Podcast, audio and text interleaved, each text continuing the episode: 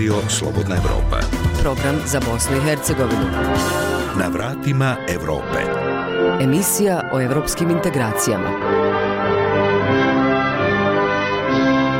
Dobar dan, ja sam Aida Đugum i sa vama sam u narednih pola sata tokom kojih ćemo govoriti o euroatlantskom putu Bosne i Hercegovine. U nastavku između ostalog možete čuti. BiH mora da pokaže rezultate da bi počela pregovore sa Evropskom unijom. Ursula von der Leyen, predsjednica Evropske komisije. Prisutna je zabrinutost zbog usvajanja neustavnih zakona od strane političkih predstavnika entiteta Republika Srpska. I zato smo preporučili da se pregovori za članstvo BiH u EU otvore nakon što zemlja postigne neophodan stepen usklađenosti sa kriterijumima za članstvo. Vlast u BiH zadovoljna izvještajem Evropske komisije. Mladen Ivanić, bivši ministar vanjskih poslova BiH, pak kaže. Ovo samo znači da se u suštini ništa posebno nije desilo, jer će komisija izvijestiti Evropski savjet po svakom napredku, ali to još uvijek nije garancija da će u martu opet neka odluka donositi. Iskopavanje uglja u Sanskom mostu ugrozilo ljudske živote, zatraženo uključenje tužilaštva. Mujo Rekić, sela Bašići, koje je najugroženije iskopavanjem. S jedne strane 70 metara si iskopali i ti gledaš dole niz licu, znači prolaziš, nema ograde, nema ništa. Sad sa druge strane kopaju, znači to je tu baš gdje smo mi, tu je katastrofa. Ostanite sa nama. Na vratima Evrope. Evropska komisija preporučila je da se pristupni pregovori za članstvo Bosne i Hercegovine u Evropsku uniju otvore nakon što zemlja postigne neophodan stepen usklađenosti sa kriterijumima za članstvo. O napretku BiH na evropskom putu će Evropska komisija izvijestiti vijeće Evropske unije do marta 2024. godine. Ovo su u Briselu saopštili predsjednica Evropske komisije Ursula von der Leyen i komesar za susjedstvo i proširenje Oliver Varheji nakon sastanka koleđa Evropske komisije koji čine svi komesari ove institucije. Informiše Ermin Zatega. Otvaranje pristupnih pregovora za članstvo u Evropskoj uniji da, ali tek nakon što Bosna i Hercegovina postigne neophodan stepen usklađenosti sa kriterijima za članstvo, tako stoji u konačno usaglašenom izvještaju Evropske komisije o napretku Bosne i Hercegovine ka evropskim integracijama. Predsjednica Europske komisije Ursula von der Leyen navela je da je zalaganje političkih partija u cilju pristupanja Europskoj uniji bez sumnje dalo pozitivne rezultate. Međutim, izrazila je i zabrinutost zbog usvajanja neustavnih zakona u entitetu Republika Srpska. The commitment of political parties to the goal of accession Posvećenost naših političkih partnera priključenju je nesumnjivo dalo rezultate. Progres je vidljiv u mnogim oblastima poput borbe protiv organizovanog kriminala, pranja novca i terorizma. Ali prisutna je i zabrinutost zbog usvajanja neustavnih zakona od strane političkih predstavnika entiteta Republika Srpska. I zato smo preporučili da se pregovori za članstvo BiH u EU otvore nakon što zemlja postigne neophodan stepen usklađenosti sa kriterijumima za članstvo. U godišnjem izvještaju o napretku Bosne i Hercegovine ka Europskoj uniji, Evropska komisija je poručila da je za pregovore o članstvu posebno važno da Bosna i Hercegovina ispuni ključne prioritete, među kojima su posebno važni vladavina prava i demokratija. Ove godine će paket proširenja imati deset odvojenih izvještaja, šest za zemlje Zapadnog Balkana, jedan za Tursku te tri za zemlje Istočnog partnerstva, odnosno Ukrajinu, Moldaviju i Gruziju. Ukrajina i Moldavija su dobile preporuku za otvaranje pristupnih pregovora, dok je za Gruziju komisija preporučila kandidatski status. Europska komisija je donijela i odluku o ubrzavanju procesa proširenja, naveo je Oliver Varhelji, komesar za susjedstvo i proširenje.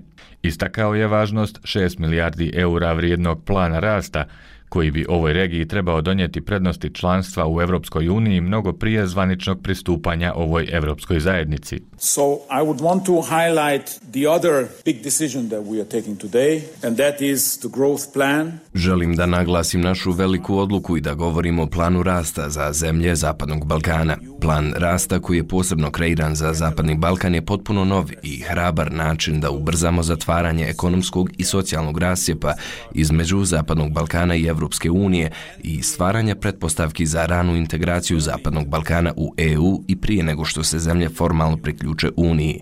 I to je prava integracija, odnosno integracija na tlu, integracija naših ekonomija, društava i naših zemalja, što je od koristi za sve nas, a zemljama Zapadnog Balkana treba donijeti koristi članstva u Evropskoj uniji i prije nego što one postanu članice. Bivši član predsjedništva Bosne i Hercegovine, Mladen Ivanić, kaže da se danas ništa spektakularno nije desilo u Briselu, te da ne vidi da će se to uskoro i promijeniti s obzirom na nizak stepen političke usaglašenosti stranaka na vlasti. Ovo samo znači da se u suštini ništa posebno nije desilo, jer će komisija izvijestiti i Evropski savjet o svakom napretku, ali to još uvijek nije garancija da će u martu opet neka odluka donosti. Ja ne vrem da će ona biti donesena, meni ova sadašnja struktura koja je na političkoj vlasti je toliko udaljena jedni od drugih da tu nema ni minimuma političke saglasnosti, a bez toga ne može kao početak pregovora. I jednostavno to je sve posljedica jednog, kako rekao, političkog beznađa u kome se Bosna i Hercegovina nalazi i to neke vrste sukoba političkih elita koje samo testiraju mišiće, ne bili se da se u tijelu i ja mislim da je ovo bilo potpuno očekivano i nisam ni optimista u nekom relativno kratkom periodu, a tu mislim da mandat ove ekipe da će tu išta Među famoznih 14 prioriteta koje Bosna i Hercegovina treba ispuniti ako želi u Evropsku uniju su izmjene Ustava kako bi svi građani Bosne i Hercegovine, a ne samo Srbi, Hrvati i Bošnjaci, mogli biti birani u najviše institucije državne vlasti. Tu je zatim i reforma Ustavnog suda koja bi trebala okončati mandat međunarodnih sudija u ovom sudu. Na listi su i izmjene izbornog zakona koje bi izbore u Bosni i Hercegovini približile demokratskim principima nediskriminacije i jednakosti. Za Radio Slobodna Evropa, Ermin Zatega. Specijalni predstavnik Evropske unije u Bosni i Hercegovini Johan Sattler uručio je predsjedavajućeg vijeća ministara BiH Borjane Krišto godišnji izvještaj o njenom napretku ka Evropskoj uniji. Sattler je poručio kako su vrata EU širom otvorena na pozitivan način, a na BiH je da izvrši potrebne reforme. Mišljenje ministra vanjskih poslova Bosne i Hercegovine je da je to odlična poruka za BiH. Detaljnije će Mahir Sijamija. U godišnjem izvještaju o Bosni i Hercegovini navedeno je da će na osnovu zaključaka vijeća iz decembra 2019. godine komisija svoje godišnje izvještaje fokusirati na implementaciju 14 ključnih prioriteta Bosne i Hercegovine. Specijalni predstavnik Evropske unije u Bosni i Hercegovini Johan Sattler izjavio je kako su vrata EU širom otvorena na pozitivan način, a Bosna i Hercegovina da izvrši potrebne reforme. On je naveo i negativne korake koji se navode u izvještaju, a koji koče njen napredak ka EU. Tu govorimo o potezima u Republici Srpskoj koji idu u pogrešnom smjeru. Narodna skupština koja je usvojila nekoliko zakona kao što je neprimjenjivanje odluka Ustavnog suda BiH. Sa takvim aktivnostima treba prestati.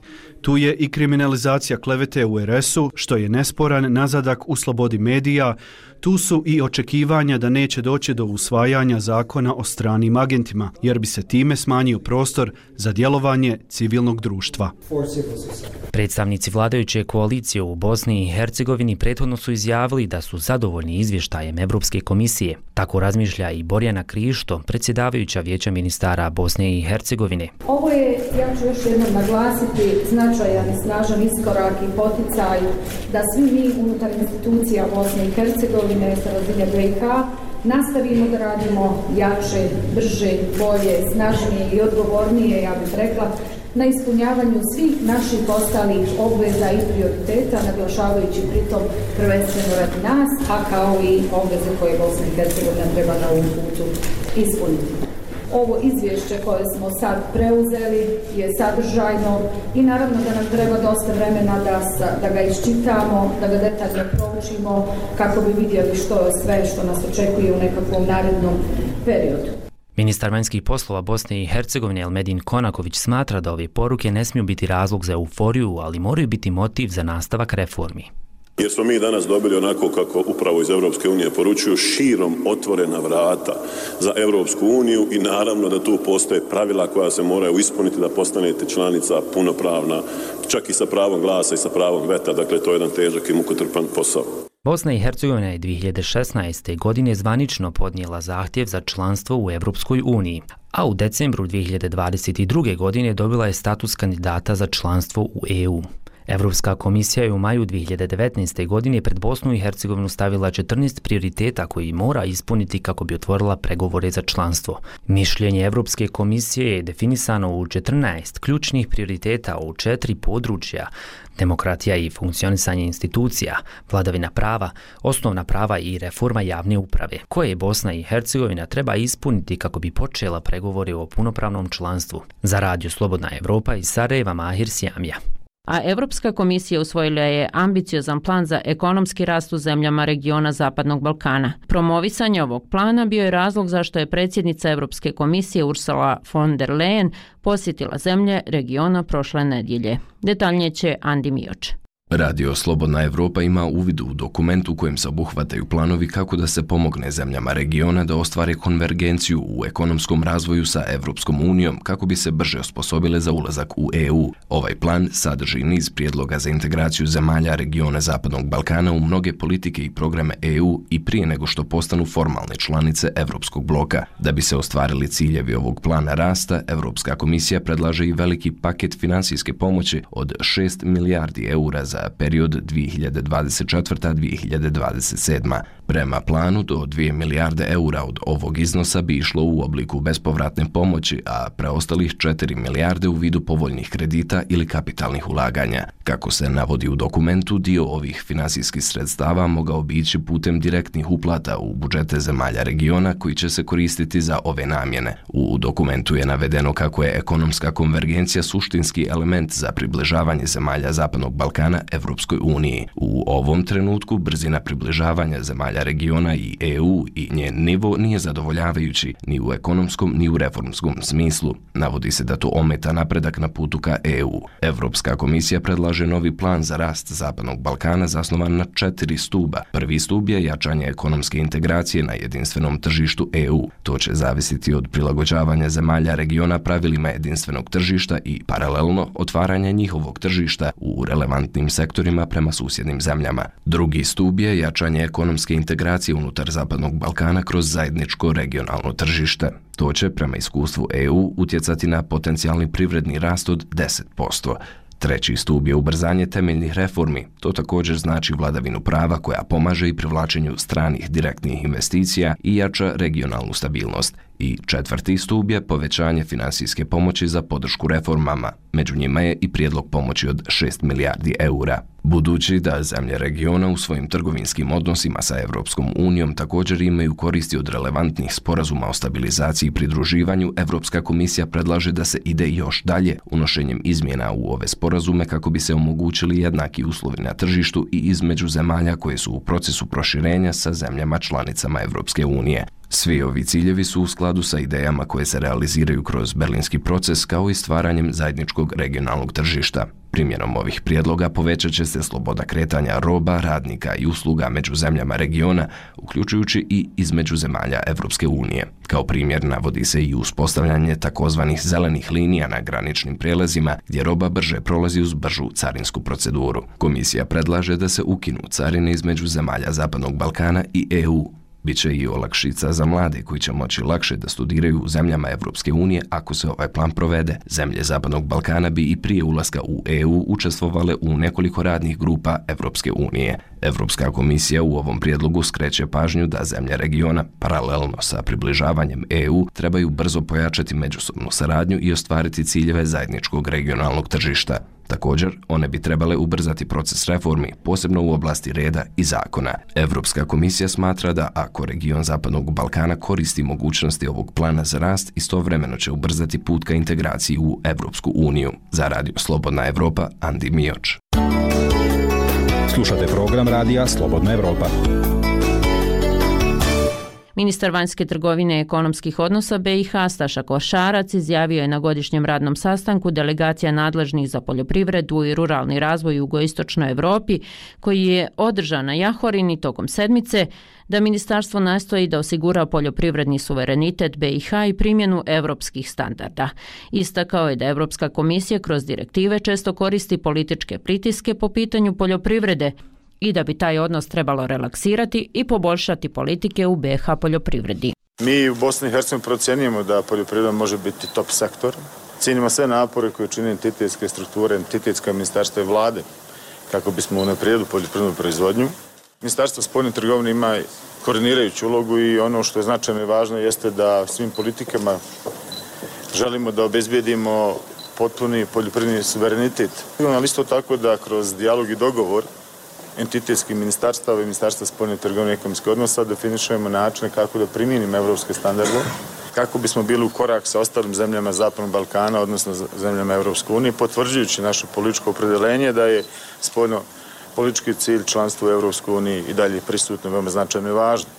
Iskoristio sam priliku da kažem da veoma često Evropska delegacija ili Evropska komisija prilikom uvođenja određenih potreba, evo recimo u kontekstu poljoprivrede i standarda, kroz direktive često donese i određene političke pritiske, političke teme za sto. Mislim da taj odnos treba da relaksiramo, da vidimo kako na koji način da napredimo generalno politike u sektoru poljoprivrede. Osnovno pitanje je pitanje kako koristiti fondove Europske unije za razvoj poljoprivrede. To je pitanje kome ćemo se fokusirati sve ovo buduće vrijeme. Govorio je ministar vanjske trgovine i ekonomskih odnosa Staša Košarac, a proizvođači mlijeka u BiH protive se promjeni u isplati podsticaja.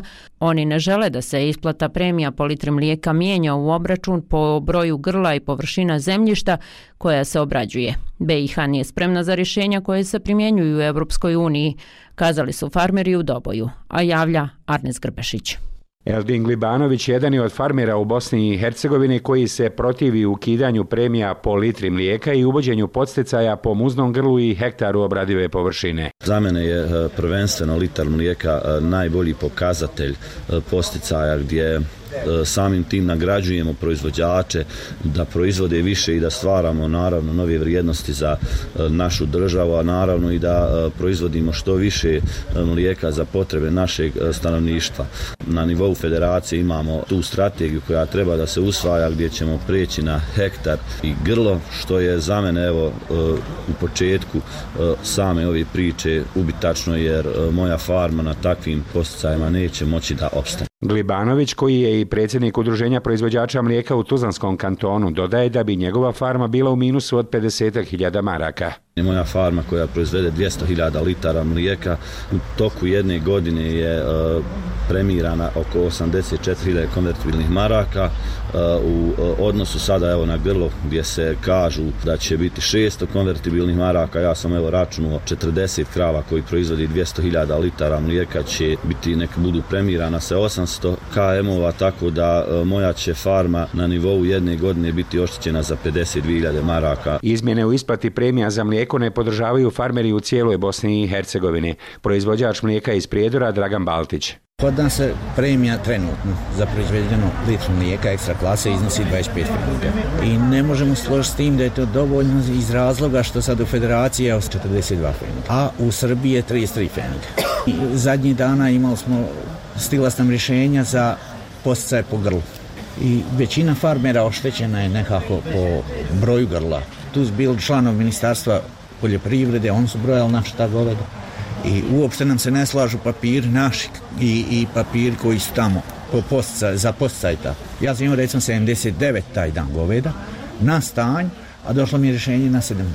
Predsjednik Udruženja mljekara Republike Srpske Milorad Arsenić. Sad e, sve više se spominje da ide sve po grlu, to bi, ja mislim, bilo katastrofa za mljekarstvo Bosne i Hercegovine, bilo ko gdje da proizvodi mlijeko.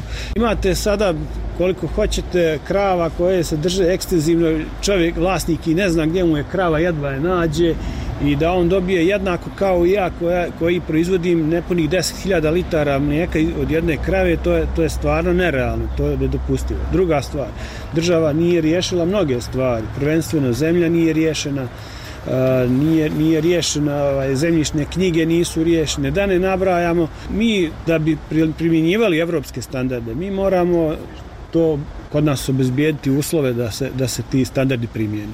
U Evropskoj uniji je, jeste osnova po grlu i osnova je po hektaru. Mi nemamo ni hektare, a druga stvar nisu nam sređene ni knjige. Ponovo Dragan Baltić iz Prijedora. Ovdje kod nas mjekarstvo naše. Nema šanse da bi opstalo bez premije s obzirom da kod nas to već dugi niz godina mi imamo ubjedljivo najmanje posticaj našim krajima. I sad još da nam ukine premiju za mlijeko, mi, mi ne možemo ni izračunati kolika bi nama trebala biti premija po, po, po hektaru. Po... Jer ne može to primijeniti kod nas. Mi nemamo, nemamo kako dokazati da imamo hektare koje smo posijali. Ne imamo osnova da bi to dokazali. Ja recimo obrađujem oko 1500 duma zemlje, to je 150 hektara, a tamo mogu dokazati oko nekih 115 hektara. Znači ja bi odmah u startu oštećen za neki 35-40 hektara zemlje koje obrađujem. Mljekari iz Bosne i Hercegovine sastali su se u doboju da iznesu svoje argumente protiv promjena u isplatama premija za mlijeko. Stručni saradnik za projekte u Udruženju mljekara Republike Srpske Miljana Erbez. Tam bilo je ovo pitanje vezano samo za tu premiju po grlu, znači to je premija koja se isplaćuje u Evropskoj uniji, gdje je riješeno pitanje znači, i upravljanja zemljišta, gdje je riješeno pitanje obilježavanja. Mi znamo da kancelarija za veterinarstvo u svojim podacima vodi da imamo 700-800 hiljada krava. Znate što to znači? To znači da, odakle ste vi došli, molim vas? Iz Doboja. Iz Doboja. Pa vi ste dovdje trebali na putu ubiti pet krava da imamo toliko krava autom. Mislim, figurativno govorim. Kad vi riješite ta pitanja, uvijek se nešto traži od farmera prvo, a tek onda on traže. I to nije među 14, 14 prioriteta. Znamo mi šta je 14 prioriteta. Riješite vi 14 prioriteta, ovo nije prioritet. Do zadnjeg momenta do ulaska u Europsku uniju ne treba usvojiti taj sistem. Taj predlog je u strategiji u federaciji koja treba da bude usvojena u narednim, recimo u narednim mjesecima od 2024. pa mislim do 29. ne znam, jedan petogodišnji period i mi to očekujemo isto. Ali ako vi nemate sistem obilježavanja tačan, kako onda da, da uvedete to? Još jednom Milorad Arsenić. I evo, tražili smo da taj spisak koji recimo sad napravila na naš entitet Republike Srpske, tra, tražili smo da to bude transparentno, da, da i mi sami vidimo kako je moguće da mi imamo toliki broj grla i ko je koliko grla prijavio došlo se do nekoj zaključka da imamo recimo 31.000 grla i da je svega prosjek 4.000 litara. Moje lično mišljenje je da to nije realno i ja mislim da je kod nas proizvodnja po grlu daleko veća. Ne znam šta je, da li su to lažne krave prijavite ili šta je u pitanju, ali bilo dobro kad ima neka informacija, kad je neko nešto istraživao, da ta informacija bude transparentna i da bude vidna, da ja vidim ko je u mom selu prijavio koliko krava. Iz Doboja za radio Slobodna Evropa, Arnes Grbešić.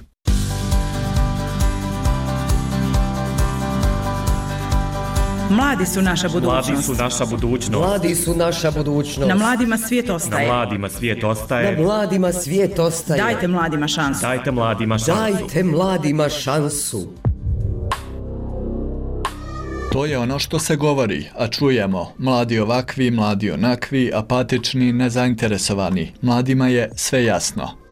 Oni u suštini razumiju da se njima ovde niko ne bavi, da su oni ovde, kako da kažem, trenutno su glasačko telo, a u slučaju frke mogu da budu i topovsko meso, pa to, ili si meso ili si telo. Da li se glas mladih čuje? Bosna nije, nije zemlja gdje se da nekako mladima puno prilika, ne da im se do znanja da mogu imati glas, da nose glas, da su bitni. A šta nam oni mogu ponuditi? Halo, mi ćete slušati ovo, ako vas mogu ponuditi jednom glumom od koje ja živim, Jedan podcast nudi im da kažu ko su i šta rade. I tada mi je rekao fizički interspolna osoba. E ja gledam u njega, mislim, ono, ja gledam u njega, čovjek gleda u mene i ono, ja ne znam uopće, mislim, šta sam, ono. Da li se ovaj ženski futbal kod nas idalje percepira kod je bako iz druge planete skroz? Pa percepira, zato što nas sve percepira kod je s druge planete. Ali smo u našoj planeti najbolje i onda se i ta planeta ovdje približila ljudima i postala zanimljiva i lijepa, tako da smo donijele planetu u našu zatvorenu balku, balkonsku. Ćao svima, ja sam Marko Šelić Marčelo, a vi slušate podcast Glasom mladih. Jedan od redkih koje zaista vredi slušati ovih dana. Slušajte nas svake subote na podcast aplikacijama. Mještani Sanskog mosta te ekološka udruženja peticijama, protestima, upozorenjima pokušavaju zaustaviti iskopavanje uglja koji se u toj opštini na sjeverozapadu Bosne i Hercegovine vrši od 2016. godine. Tim iskopavanjem, kako kažu, ugroženi su ljudski životi, ali i nacionalni spomenik BiH. Zbog toga su mještani zajedno sa opštinskim vijećem zatražili uključenje tužilaštva Unsko-Sanskog kantona. Inače, ugalj u šest sela u okolini Sanskog mosta eksploatiše kompanija Lager iz Posušja, koja je za Radio Slobodna Evropa rekla kako se samo pridržava zakona i propisa. Više u priči Melise Teletović. Mujo Rekić, mještanin sela Bašići u okolini Sanskog mosta svaki dan djecu vozi bagirom u školu. Razlog je kako kaže to što automobilom ne može proći cestom koja je uništena zbog iskopavanja uglja u neposrednoj blizini. Selo Bašići nalazi se uz površinski kop gdje se iskopavanje rude vrši već 8 godina. Zbog dugogodišnje eksploatacije rude, prva kuća u ovom selu je udaljena 40 metara od samog kopa. Mujo Rekić, mještanin Bašića. Uzeo su nam put, uzeo su nam sve, prolazimo bagerima, se gurama, demperima, kamionima. S jedne strane 70 metara si iskopali i ti gledaš dole niz licu, znači prolaziš, nema ograde, nema ništa. Sad sa druge strane kopaju, znači to je tu baš gdje smo mi, tu je katastrofa. Kompanija Lager je koncesiju za iskopavanje uglja na tom području dobila 2015. godine i tu na površinu od preko 1000 hektara. Pravo za iskopavanje uglja, kako tvrde mještani i ekološka udruženja, ova kompanija dobila je bez saglasnosti prijetnog nosioca tog prava firme Rudnik mrkog uglja Kamengrad koja je ranije privatizovana. Prinos prava na eksploataciju potpisao je bivši ministar energije, rudarstva i industrije federacije Nermin Đindić. Njegovu odluku preispitao je i Vrhovni sud federacije. Osim problema sa prijenos sam prava na eksploataciju, kompanija Lager iskopavanje uglja obavlja bez obnovljene okolinske dozvole, tvrdi Centar za životnu sredinu iz Banja Luke, zbog čega su tužili Ministarstvo okoliša i turizma federacije. Dragan Ostojić, Centar za životnu sredinu. Tužba je išla zbog e, načina na koje je ministarstvo tumačilo novu odredbu donesenu 2021. godine gdje se kompaniji Lager dozvoljava da nastavi sa radovima zato što jel, okolinska dozvola nije potrebna više za, za, za tu djelatnost. Iz kompanije Lager za Radio Slobodna Evropa su kazali kako se pridržavaju svih zakona i propisa. Iz ove firme navodi da su koncesiju dobili na osnovu peticije mještana, sela koje okružuju rudnik. Tvrde da su upoznati s nepravilnostima koje su uočili rudarski inspektori, a za koje kažu da su riješeni. Riječ je o nepravilnostima koje se odnose na zagađenje rijeke Blihe i deponovanje otpadnog materijala. Činjenica je da je uvijek bilo i biti će pojedinaca i grupa koji će biti protiv nečega, prije svega zbog svog osobnog finansijskog interesa i nažalost ta manjina je uvijek glasna jer je to njihova profesija i teško se na sve osvrtati. Ono što mi možemo i ono što radimo je da poštujemo propisane zakone i propise. Iz općine Sanski most za Radio Slobodna Evropa kažu kako su upoznati sa nepravilnostima u vezi iskopavanja uglja te da su i oni više puta podnosili zahtjeve federalnoj inspekciji. Iz građanske inicijative Život na uglju iz Sanskog mosta za Radio Slobodna Evropa kažu kako su nekoliko puta upozoravali nadležne institucije na probleme sa iskopavanjem uglja na širem prostoru bivšeg rudnika Kamengrad. Ekološka udruženja najavila su i kako će ispitati zagađenost rijeke Blihenjenog vodopada koji je zaštićeni spomenik prirode Bosne i Hercegovine. Hercegovine. Faruk Beširević iz građanske inicijative Život na uglju i Dragan Ostojić, Centar za životnu sredinu Banja Luka. Imamo vrelo koje nije bliža, koje se zove drugo vrelo, koje napaja tri naselja tu uz samu, sa, samu radilište, sami rud. Drže se miniranja u, ovaj, gdje, gdje ne bi smili nikako vršiti miniranje, jer kuće ljudima pucaju, imaju već dosta oštećenja na kućama crpi se voda koja tamo negdje 40 metara gdje su napravili jezero i oni tu mutnu vodu izbacuju u blihu, izbacuju u mudražnicu, to je te dvije rijeke, mudražnica uliva u blihu. I vi kad dođete i kad vidite blihu kako izgleda, pogotovo u danima kad je eksploatacija na onako jako visokom nivou ovaj, i kad se i puno izvozi i tako dalje, to je kad se odvozi ugalj iz rudnika, ovaj, vidite da je to zamućenje neko neverovatno. U prošloj godini iskopano je 700.000 tona uglja na području rudnika u blizini Sanskog mosta. Ugalj je plasiran na tržište Bosne i Hercegovine, Srbije i Slovenije, kažu za Radio Slobodna Evropa iz kompanije Lager, koja je jedna od poslovnih partnera elektroprivrede Bosne i Hercegovine. Procijenjena zaliha mrkog uglja u Sanskom mostu je 400 miliona tona, navodi se na zvaničnoj web stranici kompanije Lager, koja vrši iskopavanje. Ugalj, kako se navodi na ovoj stranici, kupuju industrijska preduzeća u Bosni i Hercegovini. Za Radio Slobodna Evropa iz Sarajeva, Melisa Teletović.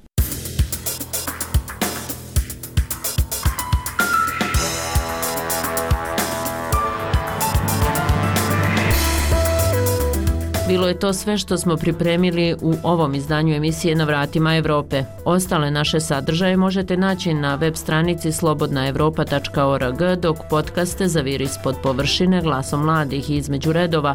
Osim na web sajtu potražite i na Facebooku i Twitteru kao i na Spotify, Google podcastima i iTunesu. Sa vama su proteklih pola sata bile Vesna Jelčić i Aida Đugum.